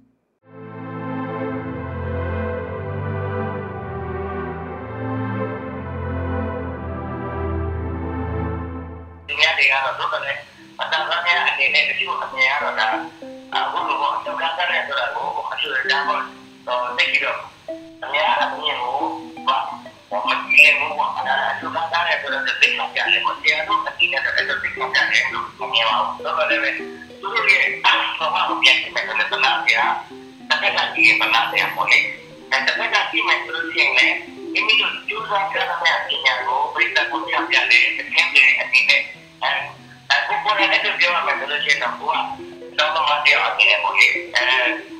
အဲ့တစ်ခါကြည့်မယ်ဆိုလို့ရှိရင်လည်းမိမိတို့ကြိုးစားကြတဲ့ပညာကိုပြည့်စုံဖို့ပြပြတယ်အထင်ကြီးအနည်းနဲ့အခုပေါ်နေတဲ့ပြောရမယ်ဆိုလို့ရှိရင်တော့ဘုရားတော့မှတရားအပြင်ကိုလေအဲဒီကနေ့အတက်ပညာနဲ့ကိုဆိုရင်ကျတော့တာဝန်ဒီဒီနဲ့တော့ဟုတ်ကဲ့ကျတော့ဘိုင်းတဲ့လုပ်ငန်းလေး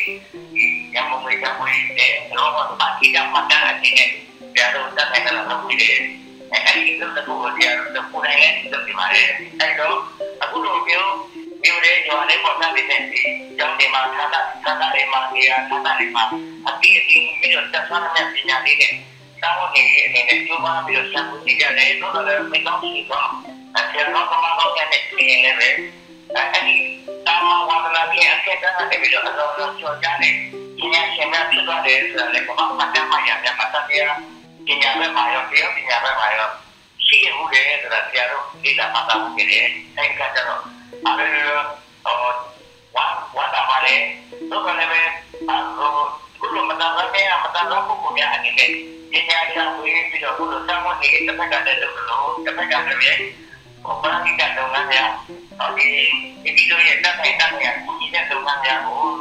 ကိုကြီးကတည်းကလို့လေကိုကြီးတဲ့တိုက်တော့မှလည်းအဲ့လိုကိုကြီးပြီးခဲ့တဲ့အတွက်ဆန်းတော့တော့ကိုကြီးတဲ့ပုံပုံနဲ့ပေါ်ပေါက်လာပါလိမ့်မယ်လို့ဆရာတော်အနေနဲ့ယုံကြည်ပါတယ်နော်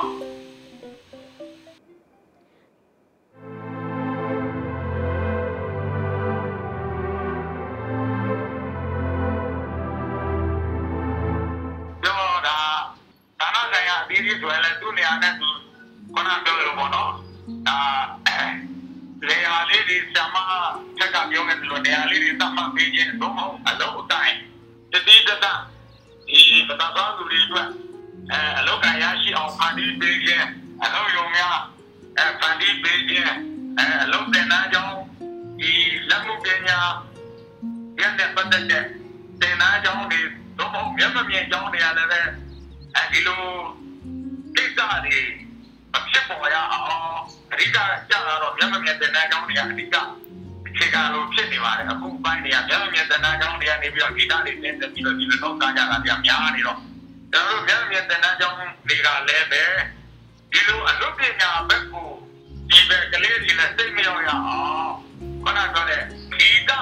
လူပညာနဲ့ရမဝင်ရှာဖွင့်ခြင်းဆိုတဲ့လုပ်ငန်းကိုလုံးဝချက်တော့နိုင်မယ်ဆိုရင်တော့ဒီလိုမျက်မမြင်အမြင်အာရုံပဒပန်းသူတွေလာမောအာဒီလိုကိတာလုပ်ကြရတဲ့လောက်ကစားတော့သူ တွေမဲသွားနိုင်မယ်လို့ကျွန်တော်အနေနဲ့ယုံကြည်ပါတယ်လို့ကျေးဇူးတင်ပါတယ်ခင်ဗျာ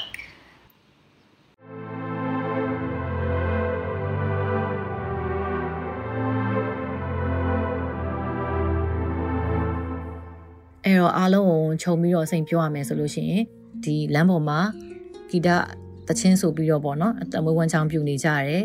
ဒီအမြင်မတန်ဆွမ်းမောင်နှမတွေကိုဘယ်လိုမှမမြင်ပါဘူးလက်တလုံးမှာတော့ဘယ်လိုမှမမြင်ပါဘူး ဘာဖြစ်လို့လဲဆိုတော့ဒီအနေထားအရာတာမန်လူတွေလည်းရှာစားဖို့အရန်ခက်ပါတယ်ဘလို့မှမမြင်ပါဘူးအဲ့တော့စိတ်တို့လမ်းမှာဒီလိုမျိုးအမြင်မတန်ဆွမ်းမောင်နှမတွေကိုတွေ့ရတဲ့အခါဟိုမျက်မမြင်နေတချင်းဆိုပြီးတော့အလူခံနေတာအဲတခုခုဟိုတွေ့ရတဲ့အခါမှာ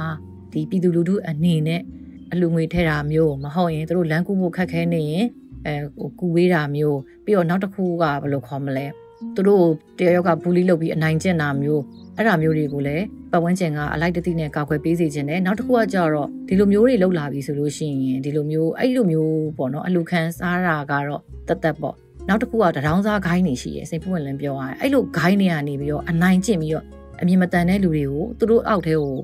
တွတ်သွင်းလိုက်ပြီးတော့မှအနိုင်ကျင့်မှာကိုလည်းစိတ်အဲ့တစ်ခုကိုလည်းစဉ်းစားမိရယ်အခုပို့ဆိုးတာပေါ့နော်ဂိုင်းစားတွေဂိုင်းတွေဟိုထောင်ထွက်တွေ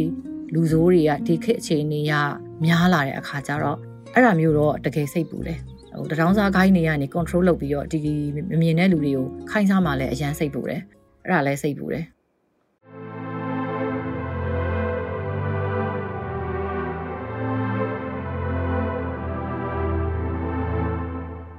ကျွန်တော်တို့အစိုးရကောအခြားသောလူမှုရေးဖွဲ့စည်းတွေမတန်ဆွမ်းဖွဲ့စည်းတွေအခြားသောအရက်ဖက်လူမှုဖွဲ့စည်းတွေကလည်းဒါလေးတွေကိုလုပ်ပြီးတော့ နိုင်ငံတော်စစ်မဟုတ်ရင်တော့ကျွန်တော်တို့မူဝါဒပိုင်းဆိုင်ရာမှာမချမှတ်နိုင်သေးရင်တော့မှ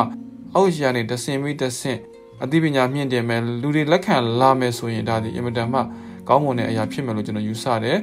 အရင်တုန်းကဆိုရင်ကျွန်တော်တို့ဟာလာအာထားပါတော့အာကျွန်တော်တို့ဥပမာအပြင်ပြောမယ်ဆိုရင်မင်္ဂလာဆောင်တွေဘာတွေမှာဆိုရင်ဟာဒီလိုမတန်ဆွမ်းနေလာပြီးတီးမှုတ်ကြပြီဆိုရင်ကြက်တည်းရမရှိဘူးဘာညာမရှိဘူးဆိုတော့မယိုးဖလာဆွဲတဲ့အမြင်လေးပေါ့ဗျာနော်မင်္ဂလာယူတဲ့ချိန်မှာမင်္ဂလာမရှိတဲ့လူတွေခေါ်လာတယ်ဆိုတော့ အတွေးမှဒီနောက်ပိုင်းအခုကျွန်တော်တို့21ရာစုပိုင်းမှာတော့အမေအများမတန်ဆွမ်းသူညီကောင်မောင်နှမတွေဒီလိုမျိုးမင်္ဂလာဆောင်အခမ်းအနားတွေမှာဖျော်ပြတဲ့အဆင့်တွေဖြစ်လာတာပြည်သူလူထုရဲ့လက်ခံမှုတွေမြင့်တက်လာတယ်လူခွင့်ရှုထောင့်ကကြည်လာတယ်ဆိုတာကိုကျွန်တော်တို့မြင်သာထင်သာစေပါတယ်ဒါကြောင့်မို့လို့ဒီလိုမျိုးကိုပဲတကယ်တကယ်ဒါဒီလူပြင်းလူညံ့တို့အလုံးမဟုတ်ဘူးလူပြင်းလူညံ့ဆိုရင်ဘယ်လုပ်မလဲဗျာဘာမှမလုပ်ဘဲနဲ့လမ်းဘေးခွက်လေးချပြီးတောင်းစားမှာပေါ့ဗျာမဟုတ်ဘူးဒါဒီသူတို့ရဲ့ပညာရက်တစ်ခုအနေနဲ့သူတို့ရဲ့ပင်ကိုရည်သွေးတစ်ခုကိုထုတ်ဖော်ပြသပြီး ဒီလိုမျိုးကျွန်တော်တို့ဖြစ်တယ်လို့ရုန်းကန်ရတာကိုကျွန်တော်ကတော့အားပေးတယ်ထောက်ခံတယ်အာပြင်းတယ်လို့မထင်မဲ့တကယ်သူတို့ရဲ့အရေးအသုံးချတဲ့လူစွမ်းကောင်းလူတော်လူကောင်းလို့ပဲကျွန်တော်သတ်မှတ်ချင်ပါတယ်ဗျအားလုံးကိုကျေးဇူးတင်ပါတယ်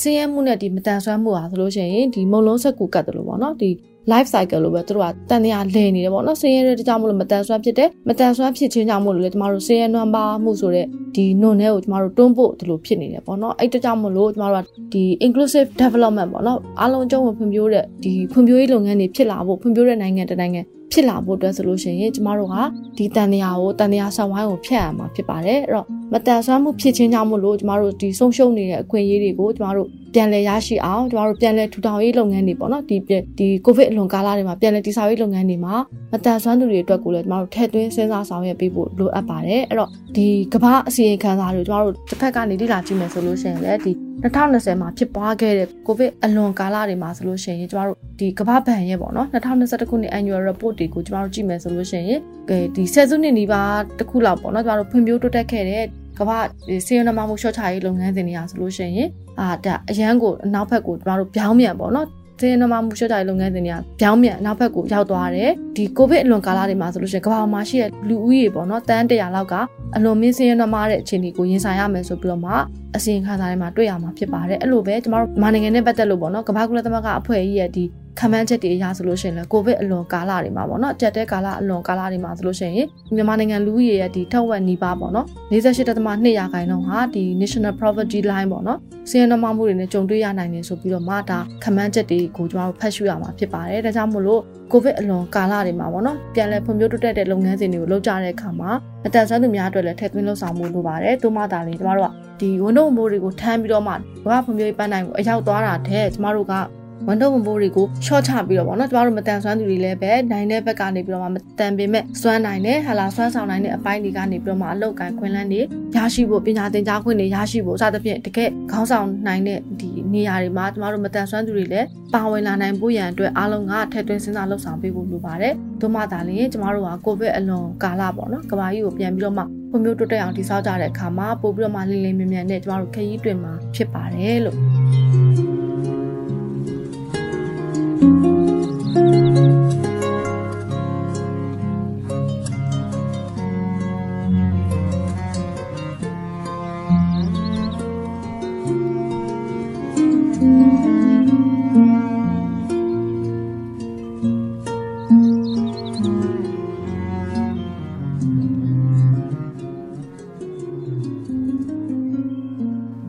တ်ဆွေတို့ရေနောက်ဘက်မှာတော့ ပင်နိုင်တင်ဆက်သူများဖြစ်ကြတယ်ကျမလွေးစားကြည့်စိုးနဲ့ကိုပြဖြိုးအောင်တို့ကနေပြီးတော့မှလမ်းပေါ်ကသချင်းတွေနဲ့ပတ်သက်တဲ့တင်ဆက်မှုအနှစ်ချုပ်နဲ့အတူ background story ကိုလည်းတင်ပြပေးမှာဖြစ်တဲ့အတွက်မိတ်ဆွေတို့အနေနဲ့မပြတ်မကွက်နားထောင်နိုင်ကြဖို့အတွက်ကျမတို့ရဲ့ MCA network page ကို like သို့မဟုတ် follow လုပ်ထားနိုင်တယ်လို့ Anchor ကိုဝင်ရောက်အသုံးပြုဖို့အတွက်အခက်အခဲရှိကြတဲ့မိတ်ဆွေတွေအနေနဲ့ MCA Network ရဲ့ YouTube Channel မှာလည်းတွားရောက်ပြီးတော့ podcast အစီအစဉ်တွေကိုနားထောင်နိုင်ပါပြီ။မိတ်ဆွေတို့အနေနဲ့ကျမတို့ရဲ့ YouTube Channel ကို Subscribe လုပ်ခြင်း Like and Share လုပ်ခြင်းဖြင့်လည်းကူညီအားပေးနိုင်ပါတယ်။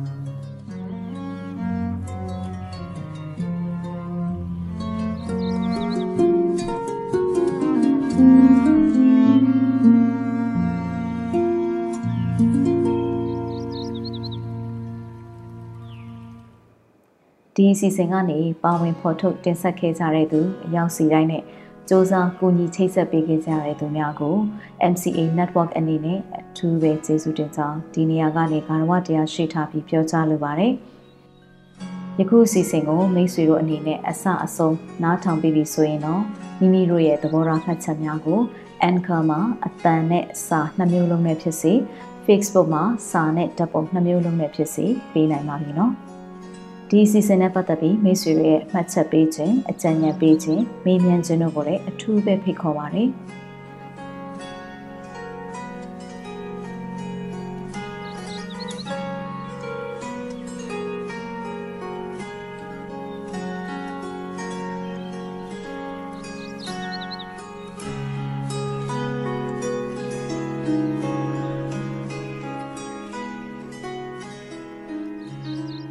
မိမိတို့ရဲ့ပူပေါင်းတင်ဆက်မှုအတွက်ဒါမှမဟုတ်စုံစမ်းမေးမြန်းမှုအတွက်စိတ်ဝင်စားတယ်ဆိုရင်တော့မြန်မာ cinemability@gmail.com ဒါမှမဟုတ်တင်ဆက်သူများရဲ့ Viber နံပါတ်များဖြစ်တဲ့ကိုပြည့်39 26125643နဲ့မနွေ39 4533 6935နှစ်တို့ကိုဆက်သွယ်ဆောင်ရွက်နိုင်ပါတယ်။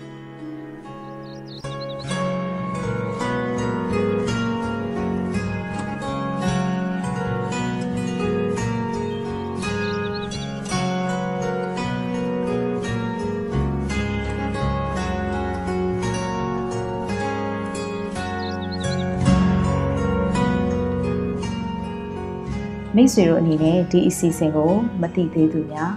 သိဖို့လိုအပ်နေသူများ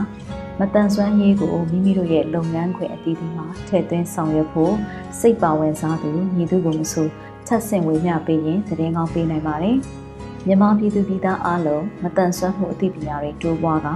ခွဲခြားဆက်ဆံမှုကင်းပြီးအားလုံးအကျုံးဝင်တဲ့လူမှုအတိုင်းအဝန်တစ်ခုကိုအမြန်ဆုံးဖော်ဆောင်နိုင်ပါစေလို့ဆန္ဒပြုရင်းဒီကနေ့အစီအစဉ်ကိုဒီမှာတင်ညှိနှိုင်းပါရစေ။